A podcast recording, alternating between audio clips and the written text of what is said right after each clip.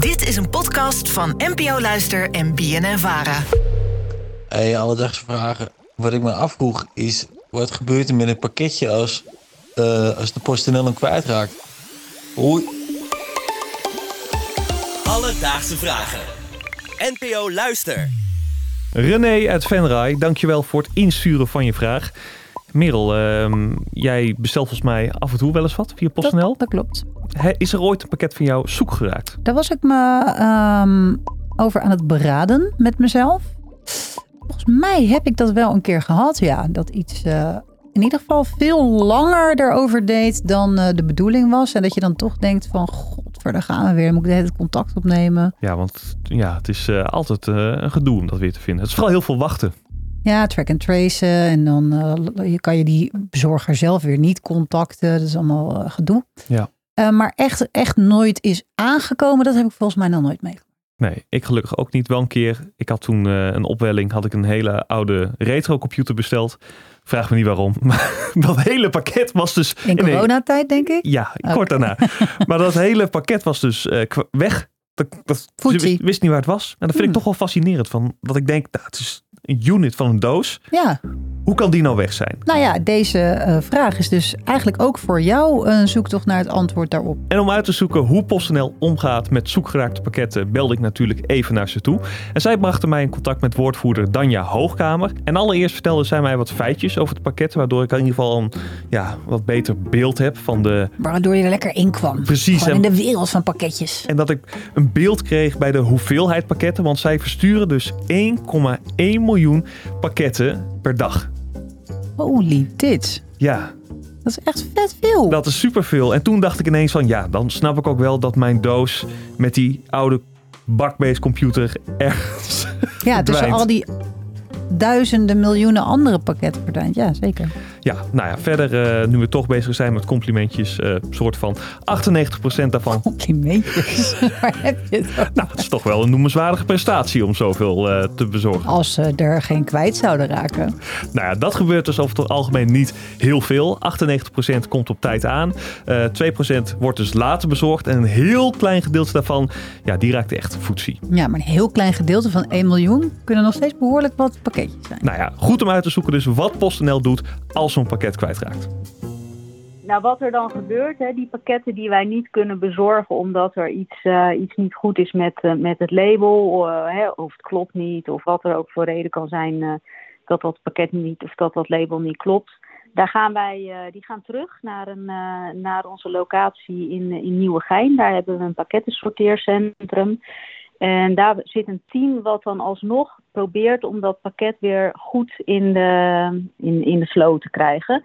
Dus die kijken, die onderzoeken dan of er eh, ja, aanwijzingen zijn in het pakket.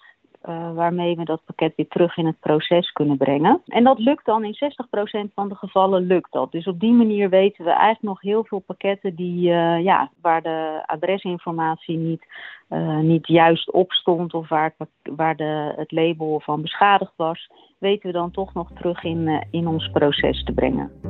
Zij zei tegen mij dat de voornaamste reden waarom pakketten kwijtraken is omdat er dus iets mis is met het label. Dat- Ja, natuurlijk. Ligt altijd aan het label. Maar gelukkig, hoor ik net, is er een soort rechercheafdeling bij PostNL. Ja, Die met allerlei hints en eh, vingerafdrukken het alsnog weet te bezorgen. gaat achterhalen inderdaad waar moet dat pakketje heen. Nou, dat gaat dus in de meeste gevallen lukt dat ook nog. Maar ja, je hebt natuurlijk ook pakketten die echt zoek raken en waar ze geen informatie over kunnen vinden. Wat gebeurt dan daarmee?